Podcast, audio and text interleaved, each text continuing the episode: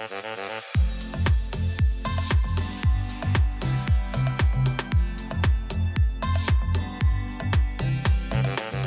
tulemast kuulama Tervisekassa podcasti. mina olen Heidi Kukk Tervisekassa avalikest suhetest ja ühtlasi ka Tervisekassa podcasti üks saatejuhtidest. nagu nimigi ütleb, räägime siin podcastis tervisest, jagame soovitusi, kuidas tervist hoida, aga kuulame ka erinevate inimeste kogemusi ja arutame koos ekspertidega, mis on need õppetunnid, mida igaüks meist saaks ühest või teisest kogemusest siis ka endaga kaasa võtta ja täna on saate teemaks harjumuste muutmine kuidas praegusel keerulisel ajal oma elu, elukorralduses muudatusi teha. ja mul on külas eratreener Rauno Olberg ning tema kõrval istub siin Kaia Kupart, kes on kliiniline psühholoog. Kaia, sinu kliinilise psühholoogi vaateni jõuame ka kohe hetke pärast, aga alustame ehk Raunost ja tema veidi ebatavalisest eksperimendist Äh, Rauno, sul tekkis ühel hetkel selline hullumeelne mõte võtta ligi kakskümmend kilo kaalus juurde ja siis uuesti need kaotada, et äh, eks sa räägid veidi, millest selline pöörane mõte tuli? tere ka minu poolt ja ma siis tegelikult ütlen päris ausalt, et äh, nii-öelda see katse oli selline uitmõte veidikene, et ma pean tänama ka natuke oma ema selle eest. sellepärast, et mu ema juhtis mu tähelepanu sellele saatele ka, ütles, et oi, küll on huvitav saade, on ju ja siis, kui oli meil esimene lockdown, klubid läksid kõik kinni, trenni enam nagu teha ei saanud, mina käisin ikkagi, ma käisin väljas jooksmas, ma käisin rulluisutamas. ütleme niimoodi, et siis, kui ema nagu selle mõtte mulle pähe pani, siis, äh, siis tekkiski mõte, et aga no why not, ma olen seda saadet ise ka näinud, et äh, teeme siis ära, et äh, fit to fat to fit. ehk siis ma alustasin seitsmekümne kahe kiloga, siis minu eesmärk oli saada üheksakümmend kilo täis ja siis uuesti sealt alla võtta kuskil sellise seitsmekümne viie kilo peale. ma alustasin üldse niimoodi, et ma tegin siis nii, et ma tegin trenni ja siis lasin oma toitumise nii-öelda käest ära, et näha siis, kui palju ja kuidas see mõjutab siis minu nii-öelda kehakaalu. Aga ega see kehakaal nagu ei tõusnud nagu nii kiiresti, kui ma tahtsin et äh, muidugi alguses ma võtsingi meelega aeglasemalt juurde, et venitusarme midagi ei tekiks juuni alguseks ma tahtsin saada oma üheksakümmend kilo täis. see väga ei õnnestunud. ütleme niimoodi, et seal juuni alguseks ma olin vist, kas oli mingi kaheksakümmend või kaheksakümmend kaks kilo.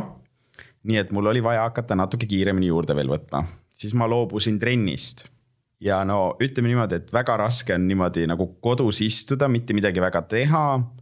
ja samal ajal sa sööd ka, et toitumusharjumused pidid muutuma lihtsalt, et ütleme niimoodi, et tänud kõik, kes delivery't teevad, et äh, sai natuke Maci, Maci ja pitsakioskit ja kõike, kõiki häid asju süüa, on ju, et mis äh, tegelikult, mida sul otseselt vaja ei ole, aga mis annab sihukese mõnusa naudingu vahepeal. juuli keskpaigaks ma sain oma üheksakümmend kilo täis. Siis ma olin nagu jess, ma sain selle täis, nüüd ma saan hakata uuesti alla võtma ütleme natuke masendav oli vaadata, kuidas nagu inimesed suhtuvad või inimeste suhtlus nagu muutub juba sellest, et sa oled tegelikult kaalust juurde võtnud.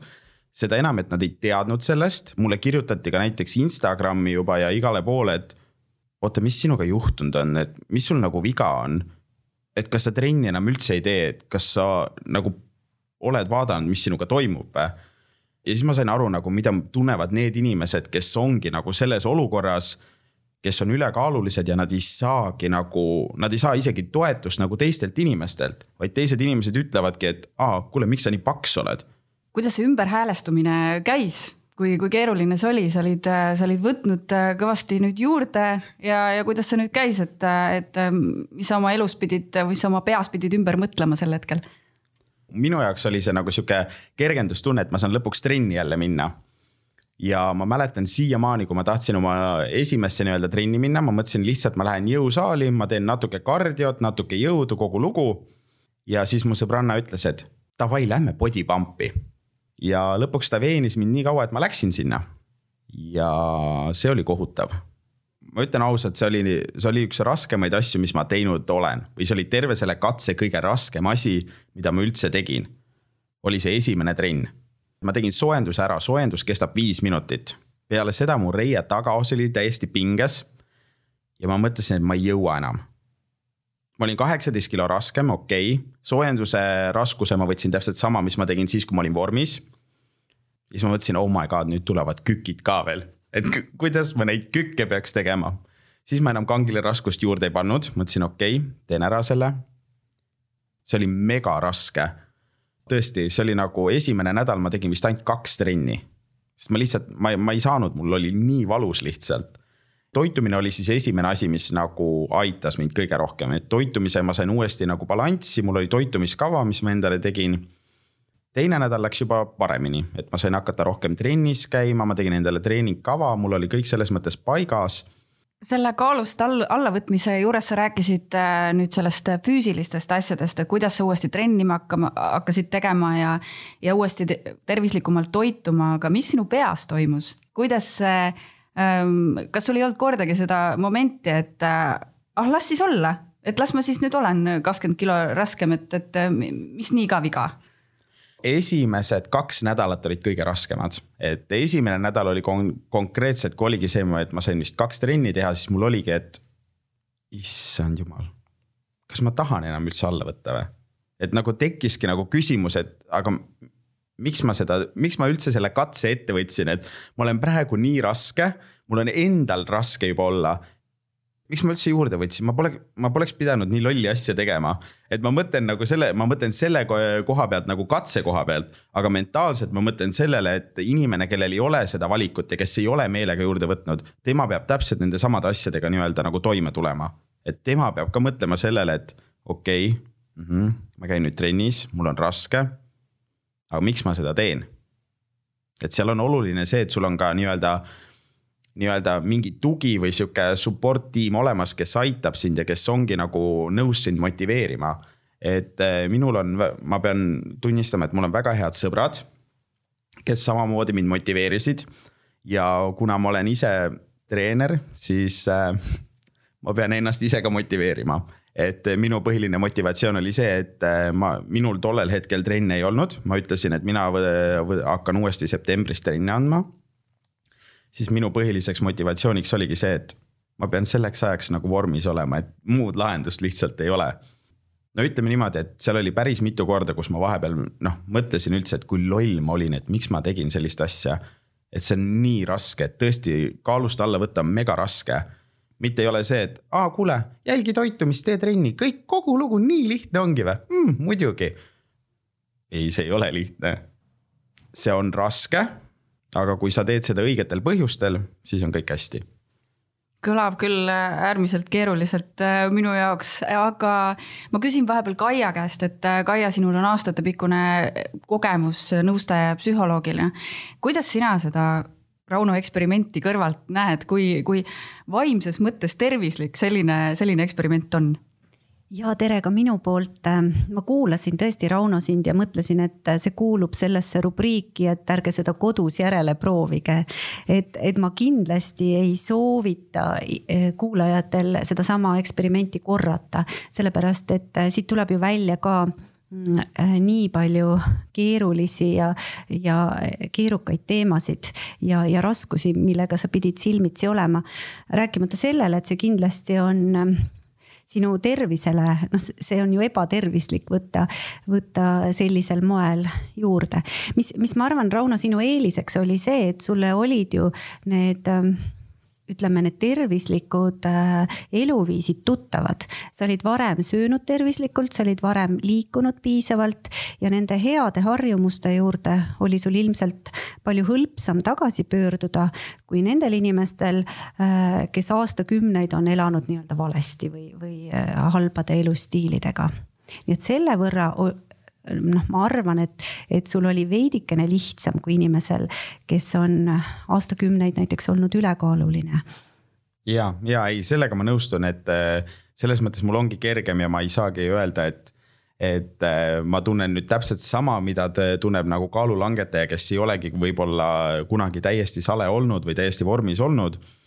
et äh, seda, seda ma nagu ei püüagi öelda ja ja lisaks ma ütlen ka seda, et eh, jah, ma ei soovita seda kellelegi järgi teha, et see ei ole nagu selline asi, mida järgi teha, et minul oli muidugi ka arstlikult eh, nii-öelda kõike eelnevalt ära kontrollitud, pärast oli kõik ära kontrollitud, et selles mõttes tervise osas mul nagu midagi ei juhtunud.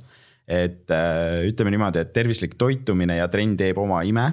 Et muidugi, eks tõenäoliselt seal tipphetkel tipphetkel ei olnud ka tervis kõige parem, et kindlasti kolesterool läks lakke ja nii edasi, et jah, et see kodus ärge järgi tehke.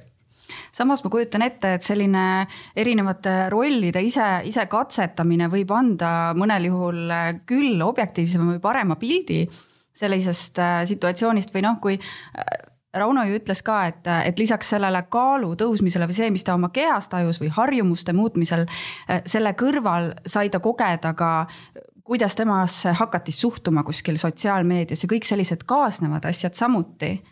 et ähm, kas sellises vaates sa psühholoogina, Kaia, nõustuksid, et, et vahel selliseid erinevaid rolle proovides me oskame paremini mõista teistsuguseid inimesi meie kõrval see võib nii olla tõepoolest, sellepärast et kogu kogemusnõustamine on ju tegelikult selle peale üles ehitatud, et inimesed on ise kogenud elus mingisuguseid raskusi, olnud siis kas sõltuvuste küüsis või, või äh, olnud mõne psüühikahäire all kannatanud ja siis äh, saanud sellest üle ja siis äh, oma kogemuse najal aitavad teisi inimesi. et, et iseenesest see on ju täiesti olemas aga, aga psühholooge ja psühhoterapeute koolitatakse ilmselt ikkagi nii, et, et me õpime ennast panema nii-öelda teise inimese kingadesse ka nii, et me ei pea kõike ise läbi elama. sest kõike ei saagi läbi elada, on ju väga kahjulikke sõltuvusi ja ma kindlasti ei pea olema kõikide nende asjade küüsis, et inimesi aidata et see on selline professionaalne empaatia. ja teisest küljest mingisuguseid raskusi me kogeme ju kõik, et isegi kui ma ei ole ülekaaluline, siis, siis ütleme kõik inimesed on tundnud mingisugust tungi näiteks süüa äh, magusaid saiakesi või, või, või soovi, et, et ah, ma ei viitsi täna trenni minna, ma parem löösutan siin diivanil ja, ja vaatan televiisorit, et. et selles suhtes ma arvan, et, et need need on kõik väga tuttavad äh, tunded ja, ja mõtted meile kõikidele, lihtsalt kui inimene on mingi probleemi küüsis, äh, siis tal on, ütleme neid selliseid negatiivseid mõtteid ja tunge ja tundeid lihtsalt nagu rohkem, nagu kvantitatiivselt rohkem. Äh, mitte, mitte see ei ole kuidagi teistsugune. Rauno mainis mitmes kohas ka, et, et tema üks, üks keerulisemaid osasid selles eksperimendis oli enda harjumuste siis äh, ühte või teisele poole ümberlülitamine ja nende kujundamine. kas sa oskad meile selgitada, miks, miks me niimoodi ehitatud oleme, et neid harjumusi nii raske kujundada on? See tõepoolest on nii, et harjumused on sellised rutiinsed käitumised, mida me tegelikult ju teeme ilma, et me nendele üldse mõtleksime. et, et kui meil on väga palju tegevusi, mis on teadlikud ja tahtlikud eh, ja neid tegevusi juhib meie aju prefrontaalkoor eh, ehk siis kõrgemad ajuprotsessid. Need on, need on kõik sellised tegevused, mida me seostame planeerimisega ja, ja otsuste tegemisega ja näiteks äh, kõik need tegevused, kui ma sean endale mingeid pikaajalisi eesmärke ja siis korrigeerin oma mõtlemist ja käitumist vastavalt äh, oma eesmärkidele. et, et selle eest vastutab meie nii-öelda see eesajukoor. see on üks põhjus näiteks, miks ma ilusal suvepäeval näiteks ei lähe mitte randa, vaid valmistun sisseastumiseksamiks, sellepärast et mul on selline pikaajaline eesmärk saada ülikooli diplom, saada hea töökoht ja ma loobun sellest ajutisest naudingutundest, võib-olla minna mere äärde päevitama. et, et selliste asjade eest vastutab meil nii-öelda eesajukoor prefrontaalkoor, aga, aga siis on meil hästi palju selliseid äh, rutiinseid tegevusi harjumuspäraseid tegevusi, äh, mille eest vastutavad siis äh, koorealused struktuurid. Ja tegelikult harjumused on head ja vajalikud, sellepärast et tänu neile vabaneb meie aju potentsiaal tegeleda nagu tähtsamate asjadega. et ma võin näiteks hommikul ärkan ülesse ma automaatselt lähen, panen endale kohviautomaadi, vajutan sisse. Äh, siis, siis hakkan tegema nii-öelda harjumuspäraseid tegevusi ja ise saad samal ajal mõelda tegelikult mingeid olulisemaid asju, et sa ei pea ja. mõtlema iga liigutust, mis sa selle kohvi keetmise juures äh, teed. ja just, et see nupule vajutamine on üks lihtne tegevus, aga näiteks ma võin ka sõita äh, Tallinnast Tartusse, mis on ju tegelikult autosõit on väga keerukas tegevus noh, ma pean auto juhtimisega tegelema, ma pean liiklusmärke vaatama, ma pean piirkiirust jälgima, aga samal ajal ma tegelikult ei mõtle selle tegevuse peale. ma võin äh, planeerida mingit äh, puhkusereisi oma peas samal ajal, ma võin sõbraga juttu ajada, ehk siis äh, mu aju on kogunud nagu kimpu sellised tegevused ja, ja ma teen neid nagu autopiloodi peal, nagu öeldakse no see oleneb ka kindlasti sellest, et kui palju sa sellega tegelenud oled, need, kes vahtralehekesed meil on, need vaatavad küll igat märki ja asja ja mõtlevad kogu aeg oh,. kas ma läksin nüüd valest kohast või ai, kas ma nüüd ületasin kiirust või mis ma tegin, et selles mõttes see yeah. oleneb, noh. et kõik, kõik harjumused ju tegelikult ajaga siis nii-öelda intensiivistuvad. absoluutselt. et tegelikult... mida rohkem sa teed, seda rohkem sa harjud ja seda mm -hmm. rohkem sensoorselt see juba tuleb sulle just nimelt. Ja, ja, ja tegelikult neid tegevusi, mida me sellise autopiloodi peal või äh, teeme, on, on meie elus väga palju. Ja võib-olla me kõigest äh, ei taipagi või me kõike ei teagi, mida me harjumuspäraselt teeme igapäevaselt kuidas uue harjumuse kujundamine niimoodi füsioloogiliselt äh, käib, kas see vastab tõele, et me justkui peame enda ajule õpetama mingeid asju, eks ole, enne kui, kui ta võtab selle harjumuspärasena külge, kasvõi igapäevane trennis käimine? ja et, äh, et me peame tegelikult siis uuesti hakkama äh, kasutama nii-öelda oma seda prefrontaalkoort ehk siis uuesti esiteks märkama neid harjumusi võib-olla tegelikult harjumused on sageli seotud keskkonnaga väga, et me, me kogume keskkonnast mingeid vihjeid, näiteks ma tulen oletame, et ma lähen oma kodupoodi ma kõnnin mööda saialetist, ma tunnen head saialõhna ja, ja ma ostan näiteks kaneelisaiakesi.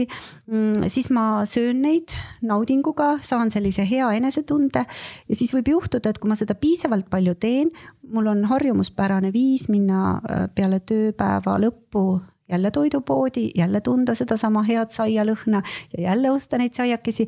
ja kui ma kordan ja kordan ja kordan seda tegevust, siis see muutubki selliseks automaatseks tegevuseks küsin korra teie mõlema käest, kõigepealt Rauno käest niimoodi praktilises vaates, et eh, kuidas sina ennast motiveerid, sa tead küll peas, et, et mingid asjad on sulle head ja, ja aga vahel sa enne rääkisid ka kiusatustest. mis, mis on need nipid, et ennast motiveerida niimoodi õigel teel kõndima? No kui minul tekivad kiusatused, siis ma tegelikult mõtlen, ma mõtlen päris ausalt, ma ütlen kohe ausalt ära, et kõigepealt ma mõtlen sellele, et kui mul tekib kiusatus näiteks söögialaselt midagi, siis äh, söögialaselt muidugi sa jälgid toitumist, eriti kui sa kaalust alla võtad, aga sa pead ka endale meelde tuletama, et sa oled inimene. et see üks saiake nädalas ei tee sulle midagi halba, kui sa muidu toitumist jälgid, see aitab sul tegelikult hoida ennast nii-öelda, nii-öelda inimesena balansis et äh, kui sa mõtled kogu aeg sellele, et okei okay,, ma tõmban nüüd oma kaloraaži täiesti miinusesse, kui sa personaaltreeneriga ühendust ei võta ja sa tõmbad täiesti miinusesse, sa sööd ainult kapsalehti ja sa ei luba endale midagi head, mitte midagi head, siis äh, lõpuks sa murdud lihtsalt. et äh, on ju väga palju neid, et eriti kui ma noh, treenerina mõtlen, kes alustavadki niimoodi, et oh jah, teeme ära, teeme ära, käib alguses seitse päeva nädalas trennis, toitub väga kesiselt ja kaua ta niimoodi jõuab käia no kuu, kuu, jah, ütleme niimoodi, et äh, selle ühe kuu märgini sa sellise nii-öelda käitumisega jõuad väga harva. et sa pead ikkagi alustama nii-öelda seda uut ja head, äh, seda head äh, nii-öelda harjumust vaikselt. et kogu aeg sa kasvatad seda ja lõpuks sa jõuad selle ideaalse tasakaaluni iseenda suhtes et kõik ei tahagi olla fitness modellid ja bikiini fitnessil osalejad, kõigil on erinevad eesmärgid. kui sa tahad lihtsalt heas vormis olla, siis sa saavutad selle, kui sa leiad oma piirid ise. et kui sa tunned, et see on sinu jaoks palju, siis sa ei tee seda mm. -hmm Kaia, mis sa selle peale ütleks, et äh, tegelikult vist noh, väga halvade harjumuste või suisa sõltuvuste kohta öeldakse ikkagi, et, et nulltolerants ja kohe on ju, et või, või või, või kuidas see etapiline sinna jõudmine sinu vaatest paistab? Mhm. et jätame nüüd need võib-olla kõige need ekstreemsemad sõltuvused korraks kõrvale, aga mina jah, ka soovitan isegi äh, teha üks väike samm korraga või sellest äh, räägitakse nendest väikeste sammude äh, mõjust ja jõust, et, et kõigepealt tasuks võib-olla võtta üldse üks harjumus korraga, et, et ma saan aru, Rauno, sinul sundis ka nagu aeg tagant, et sul oli vaja sügiseks saada vormi, aga, aga näiteks ma võin teha selliseid väikeseid käitumismuudatusi igapäevaselt ja need tegelikult viivad mind ka lõpuks päris suure tulemuseni. et oletame näiteks, et äh, mul on harjumuspärane süüa õhtuti jäätist siis ma võin asendada selle näiteks arbuusiga, et ma, et oletame, et ma lihtsalt äh, söön rohkem sellist arbuusi või, või mingisuguseid maasikaid või, või oletame, et mul on äh, ma tarbin liiga vähe vedelikku, siis ma võin äh, kujundada sellise harjumuse, üks harjumus korraga, et ma hommikul enne hommikusööki joon klaasi vett, klaasi sidrunivett ja vot sellise lihtsa harjumuse juurutamine võib-olla ei võtagi nagu nii palju aega ja vaeva ja, ja ka toitumisnõustajad ju soovitavad, et tee selliseid väikeseid muudatusi öö, oma elustiilis, mida sa oled valmis järgima terve elu. Et, et selles suhtes ma arvan, et see on kõige tervislikum viis et, et alusta ühest väikesest muudatusest ja, ja üks selline tore nipp on ka see, et on selline viie minuti reegel, et oletame, et mul on ikkagi näiteks äh, plaan hakata iga päev äh, kõndima kümme tuhat sammu. ja, ja mul näiteks täna ei ole üldse aega selleks ja ma, ma plaanin seda hakata tegema, aga täna mul ei ole aega, aga mul on täna viis minutit. ja siis selle viie minuti jooksul ma võiksin teha niimoodi, et ma otsin välja oma jooksujalanõud, panen nad nähtavale kohale isikus. otsin välja oma võib-olla sellised sportlikumad riided ja mingid äh, kõndimiskepid näiteks ja panen nad just nähtavale kohale. et, et see on selline meeldetuletus keskkonnas, et kui ma näiteks homme töölt tulen siis mul tuleb meelde, et äh, mul oli ju plaan iga päev peale tööpäeva lõppu minna kepikõndi tegema. et see viie minuti reegel on justkui see, et, et mida ma täna saan viis minutit selle heaks just, teha. just, näiteks oletame, et ma tahan teha magistritööd, et siis ma teen täna äh, sellise folderi kuhu ma kogun sinna oma mingid andmed või, või teen Wordi faili ära, teen esilehe ära näiteks. et, et see on tegelikult ka, et, et ma juba tegelen selle asjaga. Ja, ja väikeste sammudega, siis, siis suure tõenäosusega homme ma võtan jälle midagi ette, et liikuda oma eesmärgi suunas. Olen kuulnud ka sellisest enda premeerimisest, kuidas, kas, kas see võiks ka töötada, et teen midagi, midagi head ära, et ja siis tean, et, et pärast seda luban endale midagi see on hea mõte, sellepärast et vahel need nii-öelda need präänikud on liiga kauges tulevikus.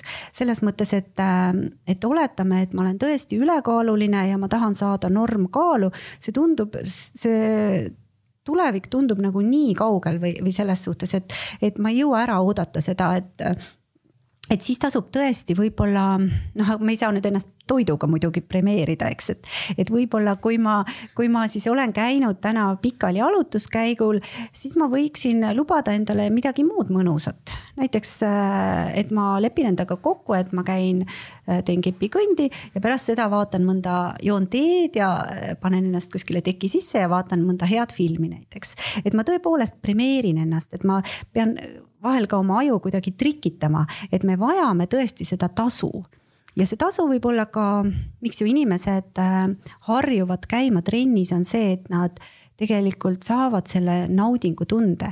endorfiinid vabanevad, sellised heaoluhormoonid ja siis inimesed võivad isegi jääda sõltuvusse oma nendest äh, aju kemikaalidest nii-öelda ja, ja siis äh, mul on meeles see hea enesetunne.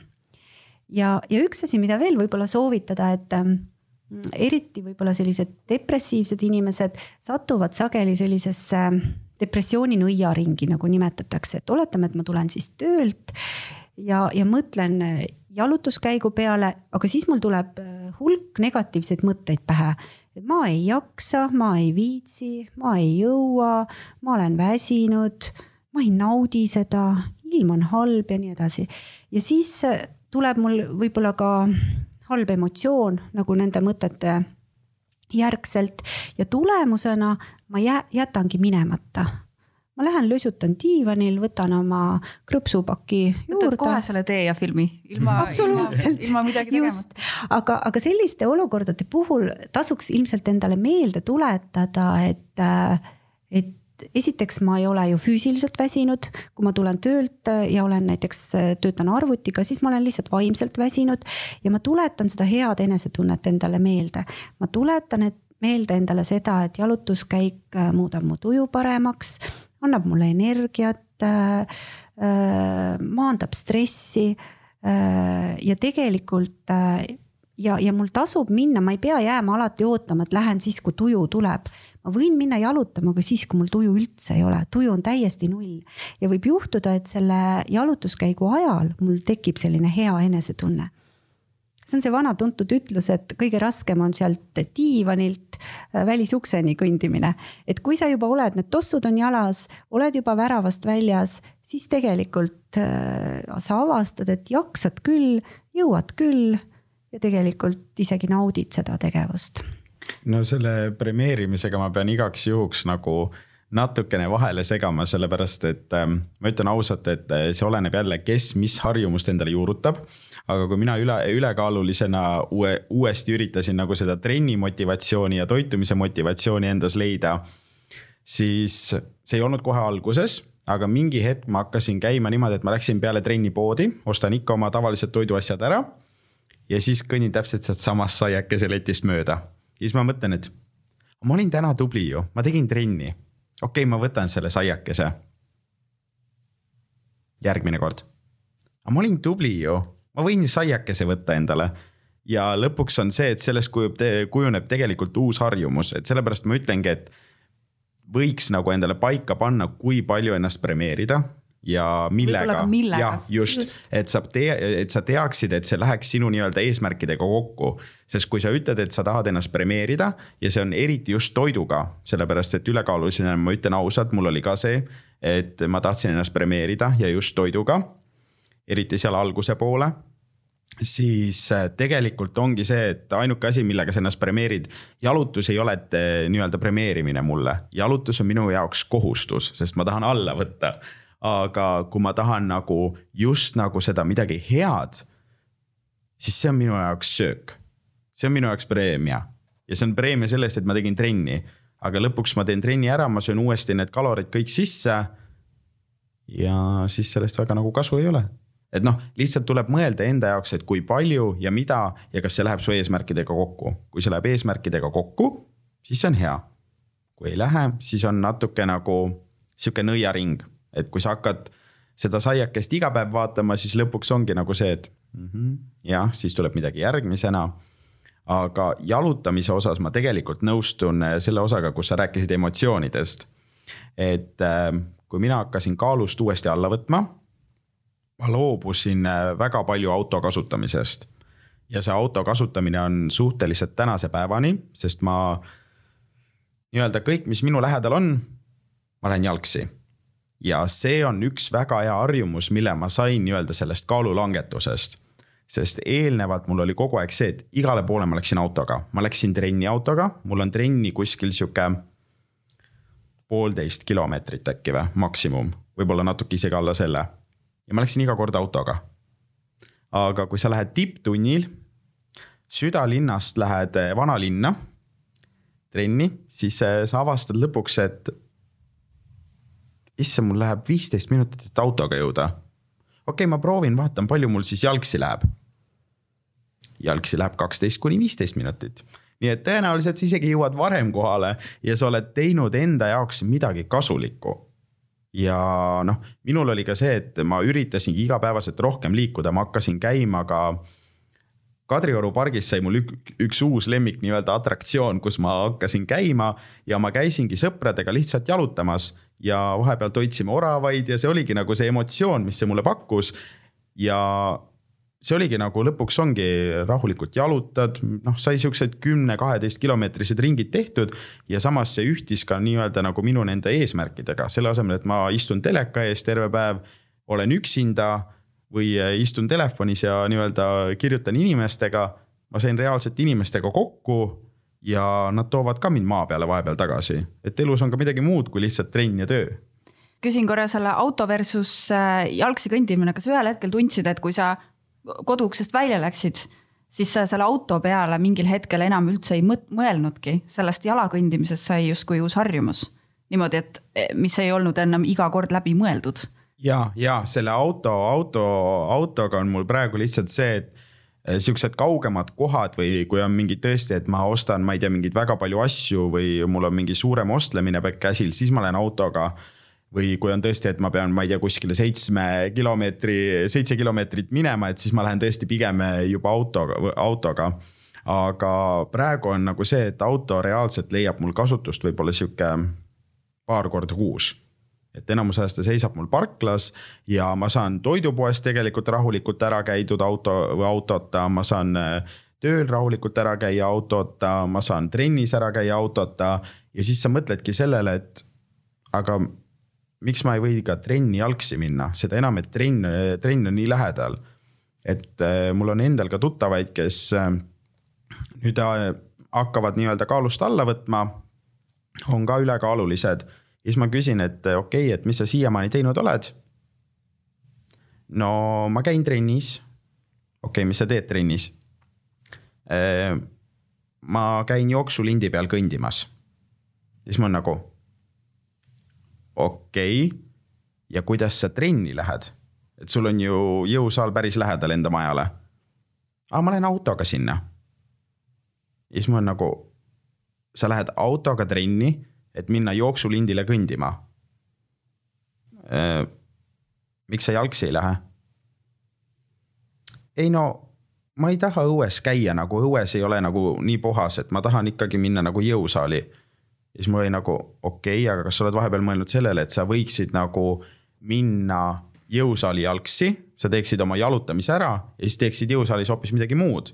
et sa hoiad aega kokku, sa saad rohkem teha. et kuidas sulle sihuke plaan tundub?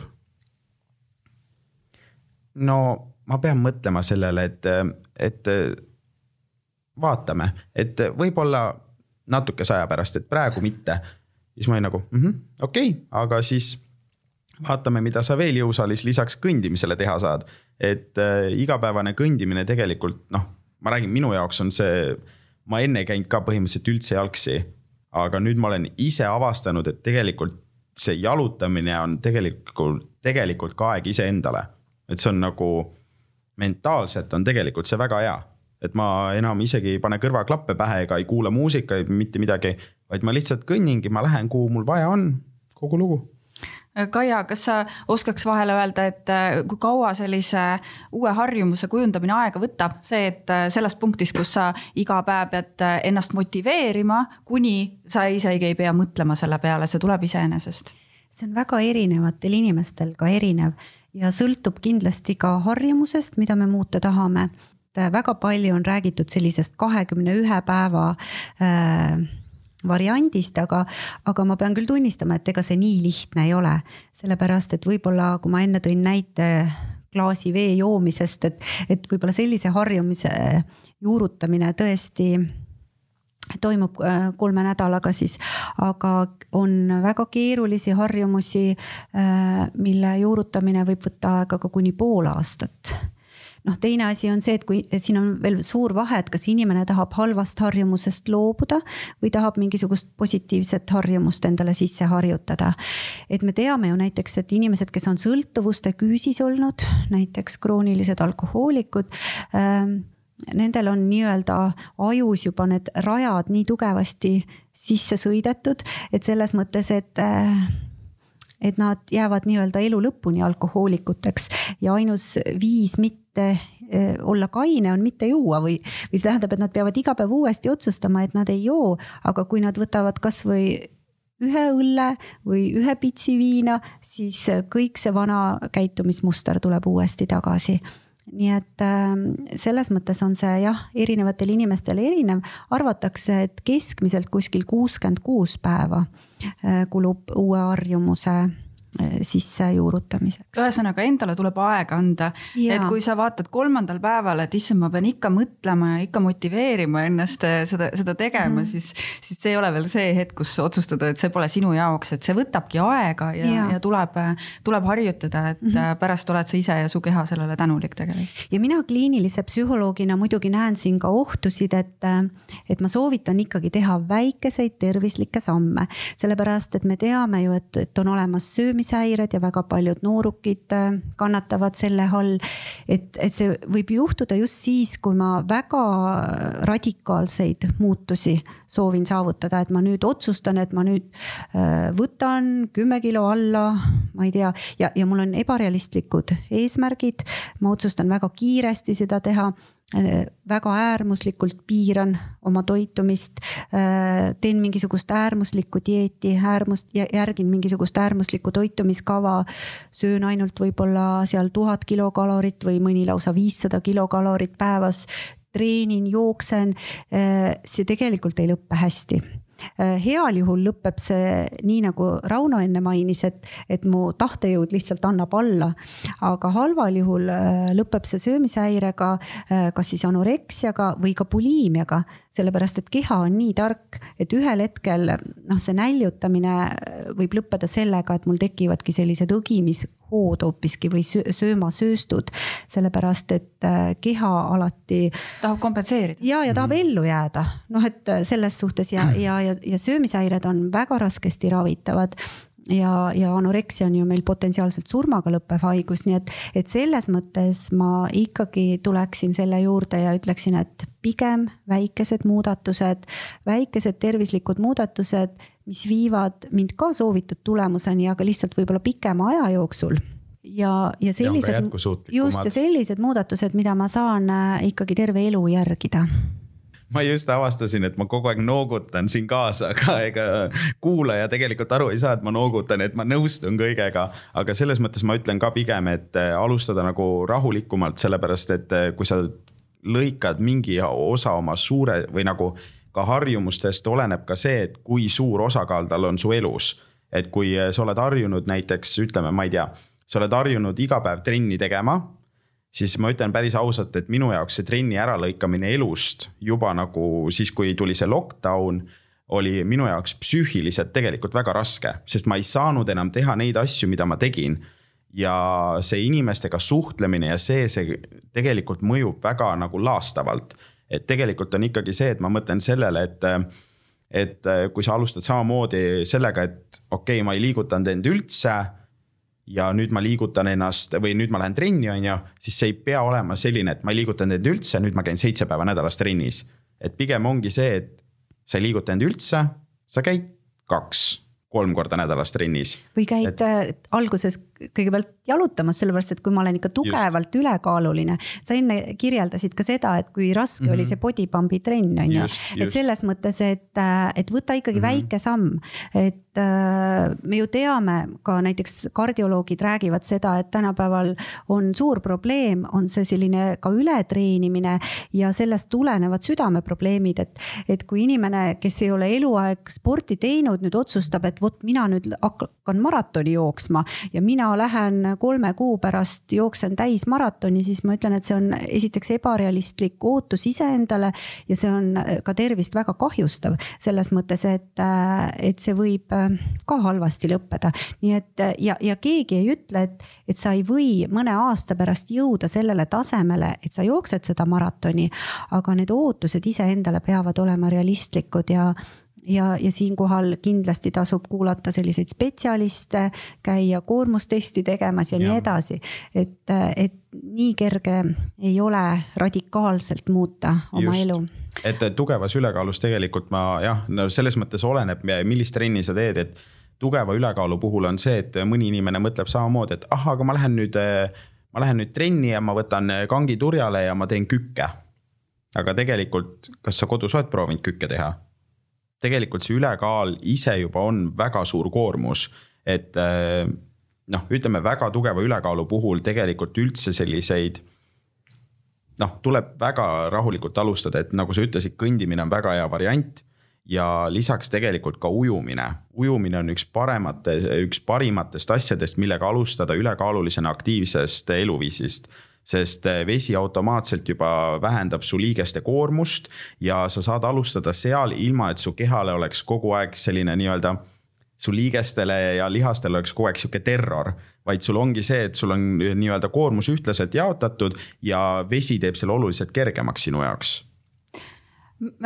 Ja mina tulen korraks selle kaalu langetamise juurest tagasi harjumuste juurde ja praeguse aja ja, ja Rauno mainis ka siin lockdown'i selle juurde, et Kaia, sa nõustad igapäevaselt äh, oma, oma nõustatavaid, et äh, kui palju praegu on nende mured seotud harjumuste ja nende muutmisega või nende sellise uue aja ja, ja elukorralduse muutustega?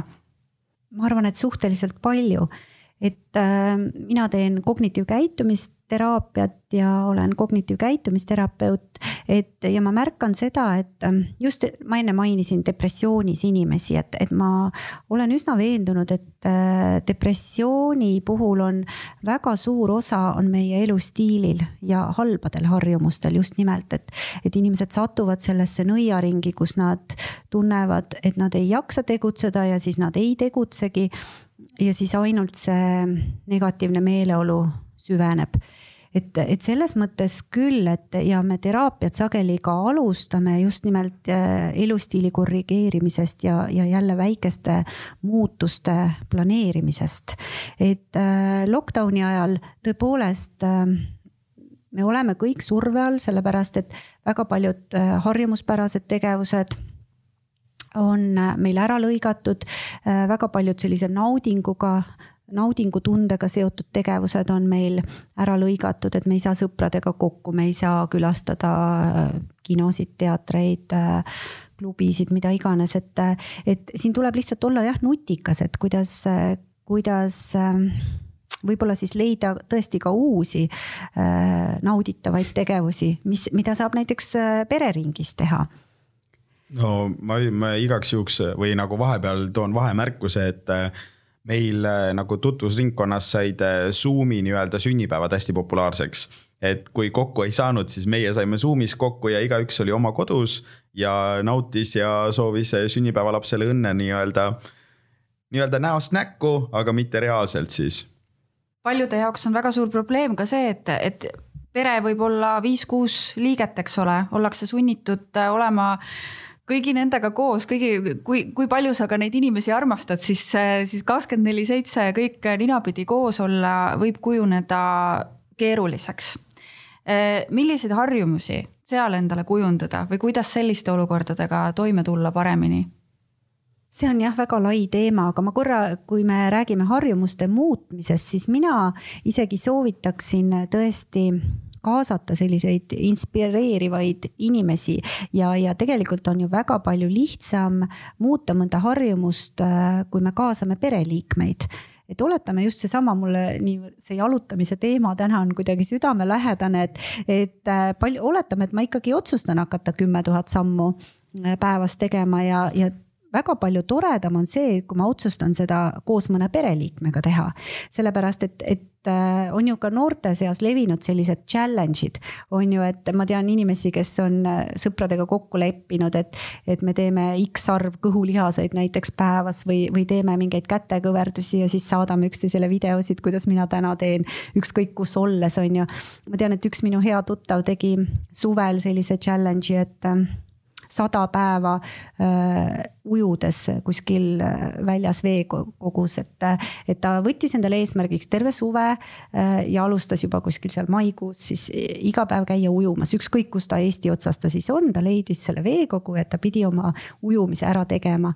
Ja, ja see on ja eriti kihvt on, kui sa saad kaasata näiteks mõnda head sõpra, et teeme koos sellise väljakutse see ujumine tundub ujumas. praegu väga huvitav, et kas ta tegi seda nagu suplusena või ta käis konkreetselt ikka ujumas? ta meres käis, ta elas mere ääres, et tal mm -hmm. oli enamik aega seda lihtne teha, aga, aga kui ta sattus ka kuskile teise Eesti otsa või siis ta alati leidis mingisuguse veekogu, et ta pidi selle oma päeva äh, Äh, normi ära ujuma, ma täpselt okay. ei tea ja siis ta postitas selle kohta väga ilusaid pilte ka.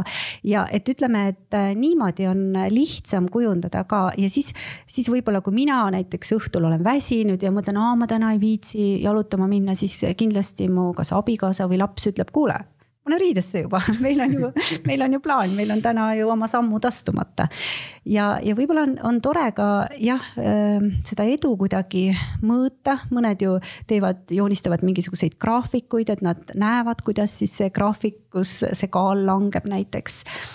Mõned visualiseerivad kuidagi seda soovitud eesmärki, et ma kujutlen näiteks, et ma olen normkaalus ja leban rannas ja käin ujumas ja olen sellises eh, noh, heas vormis nii-öelda. kuigi selle visualiseerimisega on selline lugu, et, ähm, et ma arvan, et ainult visual, visualiseerimisest ka ei piisa. et, et ma võin äh, sellega minna lihtsalt sellisesse unelmasse või, või, või äh, unistustesse, mis ei pruugi ju realiseerida rea,, realiseeruda. et mina isegi võib-olla, kui soovitan visualiseerida, siis äh, visualiseerida ka seda ees, või ta ütleme seda protsessi ennast. et ma võin ju kujutleda, kuidas ma suvel näiteks matkan erinevatel matkaradadel või, või kasvatan ise mingit rohelist köögivilja ja, ja.... et mitte alati ainult lõpptulemust, aga et see, ka see protsess on ju nauditav ja, ja kõik need asjad, selle üle võib ju ka unistada, et äh, ja minu, minu jaoks on ka hästi, minu jaoks isiklikult on hästi oluline ka see, et, et ma tean, kuidas, kuidas see keha ka tegelikult töötab. et, et kui ma ka kolmandal päeval ei näe, et see harjumus on mulle juba loomuomaseks saanud, siis ma tean, et meie keha töötab nõnda, et, et kuuekümnendal päeval see võib juhtuda või, või tõenäoliselt juhtubki, et tuleb lihtsalt aega anda -hmm. vaata, kui Rauno, sa enne ütlesid, et äh, sul oli väga raske kaalu tõsta, siis see tegelikult on ju ka mõistetav, et meie keha alati püüdleb sellise tasakaalu seisundi poole, et nii nagu meie keha tahab kogu aeg säilitada õiget kehatemperatuuri, see on ju väga kindel vahemik, kus ta tahab olla, siis tegelikult meie ajus on ka selline kaaluseadistuspunkt, et meie keha kogu aeg püüdleb sellise kindla kaalupunkti poole, et kui ma olen ikkagi kümme aastat kaalunud äh, näiteks äh, liiga palju, oletame sada kakskümmend kilo, siis äh, kui ma hakkan maha võtma, siis mu keha satub kohe stressi ja ta tahab teha ükskõik mida, et ikkagi säilitada seda, seda, et mul on see nii-öelda see kaaluseadistuspunkt ja siis, aga ühel hetkel, kui mul siis õnnestub selliste väikeste sammudega kaalu alandada ja siis säilitada ka seda kehakaalu, siis keha õpib ära, et nüüd on uus see seadistuspunkt seal näiteks üheksakümne kilo juures. Ja, ja siis jälle see kehakaal püsib stabiilsena. Nii et selle võrra ongi nagu keeruline, et kui me, et keha ei taha tegelikult, et me tekitame muutusi, ta tahab hoida, noh, seda nii nagu ta tahab hoida seda homöostaasi või kogu aeg seda, et ähm, noh, nii nagu temperatuur on meil. aga sellepärast ühtlane. tulebki ilmselt teda õpetada, et, et äh, kui me kuuskümmend päeva juba seda ühte sama asja mm -hmm. teeme, siis keha arvates on juba see uus normaalsus ja ta tahab hakata seda hoidma. just, aga oluline noh, kaalulanguse puhul on ka ju see kaalu säilitamine, sest palju räägitakse sellest joo-joo efektist on ju, et inimene võtab küll, isegi mõned ütlevad, et väga lihtne on kaalus alla võtta, aga katsu sa seda säilitada. nii kui sa oma neid harju-, lähed nende harjumuspäraste tegevuste juurde tagasi, nii hakkab uuesti uuesti keha koguma seda rasva või just, kaalu. seal ongi see, et kui sa hakkad kaalust alla võtma, siis sa paned juba nii-öelda endale need või sulle või noh, kas sa ise paned või sulle pannakse need printsiibid paika, mida sa jälgima pead aga ega nüüd, kui sa ideaalkaalu jõuad, see ei tähenda siis seda, et sa lähed elama täpselt samamoodi tagasi, mis sul enne oli mm. -hmm. et kui sa tegelikult juurutad endale selle harjumuse sisse, et sa toitud tervislikult, sa teed trenni. ega see, et sa ideaalkaalu kätte saad, see ei tähenda, et sa saad oma elu nii-öelda selle nii-öelda ta, tava, lõdvaks lasta ja tavapärase elu peale tagasi minna, et muidugi sa saad, aga see ei olnud ju su eesmärk. su eesmärk oli nii-öelda normaalkaalu jõuda, aga et ka sinna säi- või nagu, et seda säilitada, siis sa uuesti nii-öelda paned siis oma kaloraaži normaalsuse piiresse, mis sulle siis nii-öelda sama palju, kui sa kulutad, sama palju sa sööd siis ainult jääd sa oma nii-öelda eesmärgile truuks mm. -hmm. aga trennis sa ju käid edasi, et selles mõttes sa ikkagi jälgid, mis sa teed, kuidas sul see on, mitte see, et okei okay,, ma tahan nüüd suveks, äh, ma tahan suveks nüüd, äh, ma ei tea, ma olen sada kuuskümmend viis pikk, ma tahan viiskümmend viis kilo kaaluda. okei okay,, suvi jõuab kohale, viiskümmend viis kilo ja siis okei okay,, tuleb kõik, oh, šašlõkid, värgid, särgid, vorstikesed, nii hea, aga siis sa juba harjud uuesti ära sellega, et sa oled oma nii-öelda, sa lõpetad selle tervisliku elustiili ära, siis sa lähed uuesti selle vorstikeste ja asjade peale, siis sa harjutad oma keha uuesti ümber selle teise asjaga. et eriti noh, ütleme niimoodi, et kõik, mis on magus, mis on rasvane, mõjub meie keha nii-öelda nendele nii-öelda eh, mõnuorganitele natuke teistmoodi, et eh, suhkrut ja igasuguseid nii-öelda süsivesikuid, rasvu on alati parem süüa, keha tahab neid rohkem kui äh, seda nii-öelda tasakaalustatud menüüd nii-öelda. Et äh, kõik tahavad magusat, et äh, selles mõttes praegu ongi, et kasutatakse hästi palju suhkruasendajaid, et samamoodi nii-öelda kehale see tunne kätte anda, et sa saad selle maitse kätte, aga sa ei saaks neid kaloreid. Ja siin tuleb ilmselt ka see tasakaalu teema jälle sisse, et vahel võib ja just, vahel ongi okei okay,, et, et mitte ennast täiesti keelata ja seda enam on sul see kiusatus suurem või kui sa lõpuks endale lubad, siis, siis lubad liiga palju. ja, et see ongi see, nagu ma enne ütlesin, et et premeerida võib ennast, aga mitte iga päev et see on ikkagi see, et sa leiad selle tasakaalu, võib-olla üks-kaks korda nädalas söödki seda, mida sa tahad, aga mitte niimoodi, et aa, kuule, mul on see cheat day, nüüd ma söön täpselt seda, mida ma tahan terve päev. sest eh, lõpuks ütleme niimoodi, et kui sa oled päevas sihuke kui sinu noh, ütleme naistel keskmine kaloraaž on sihuke kaks tuhat kilokalorit, sa tõmbad sealt eh, nelisada kilokalorit alla, sa oled päeval tuhande kuuesaja kilokalori peal ja siis nädalaga lõpuks kaks tuhat kaheksasada kilokalorit oled miinuses. see, sealt tulebki see nii-öelda kaalulangetus, aga lõpuks, kui sa oled see kaks tuhat kaheksasada kalorit miinuses, on ju, aga siis ühel päeval sa otsustad, et aa, aga nüüd mul on see cheat day, et nüüd ma võin süüa ükskõik, mida ma tahan. alustad hommikul juba, ma ei tea millega, siis lõunasöök, õhtusöök ja kõik eh, need vahepalad ka. ja snäkid krõpsupakid, on ju. siis lõpuks sa ületad, ületad ikkagi seda nii-öelda eh, miinuskaloraaži. et sa pead ikkagi jääma sellele truuks, et okei okay,, ma söön ja ma leian endale selle balansi, aga see balanss ei tohi minna nagu paigast ära sinu eesmärkidega. et kui sa lõpuks eh, tahadki nagu kaalust alla võtta, siis sa ei saa nagu seda preemiat nii palju endale lubada, kui näiteks kaalutõusu puhul et äh, kaalutõusu puhul sul ongi oluline, et kaloraaž on plussis, muidugi äh, samamoodi makrod peavad paigas olema. aga sa peadki jälgima, et mida ja kui palju sa sööd. et äh, kui sa jah, võtad seal, et ah, mul on nüüd sihuke vabam päev, et nüüd ma võtan täiesti nagu okei okay,, las ta olla. et siis ta ei lähe sinu eesmärkidega kokku, et muidugi oleneb ka nüüd sellest perioodist, et näiteks ma ütlen ausalt, et ma ei näe, et jõulude ajal oleks vaja ennast nii-öelda nüüd täiesti piirata, et kui sul ongi, et sööd terve päev normaalselt ja siis lähed näiteks äh, pere juurde, vanemate juurde, vanavanemate juurde õhtul. ja siis tuleb õhtusöök, seapraad, hapukapsad, nii edasi, nii edasi, on ju. ah, ma võtsin söögi kaasa. mul on karbi sees oma see riis ja köögiviljad ja kanafilee et nii hullult ennast nüüd ka piirama ei pea, et ikkagi, kui sul on mingi sünnipäev või mingi selline asi muidugi lase ennast vahest äh, nagu lõdvemaks ja luba endale nii-öelda sellest asjast rõõmu ka tunda, mitte niimoodi, et sa oledki nagu, vaatad ise, sööd oma riisi. vaatad samal ajal teised söövad neid häid asju, on ju, siis on nagu mm, tahaks ka, aga ei, ei, ma ei saa ja siis sul, sa tekitad enda kehas juba stressi sellega, et sa mõtled, et sa pead ennast kogu aeg piirama, et lase ikkagi natuke vahepeal ennast lõdvemaks. aga mitte niimoodi, et noh, sõna otseses mõttes, et äh, kuidas see väljend oli, et sööd ennast seaks või.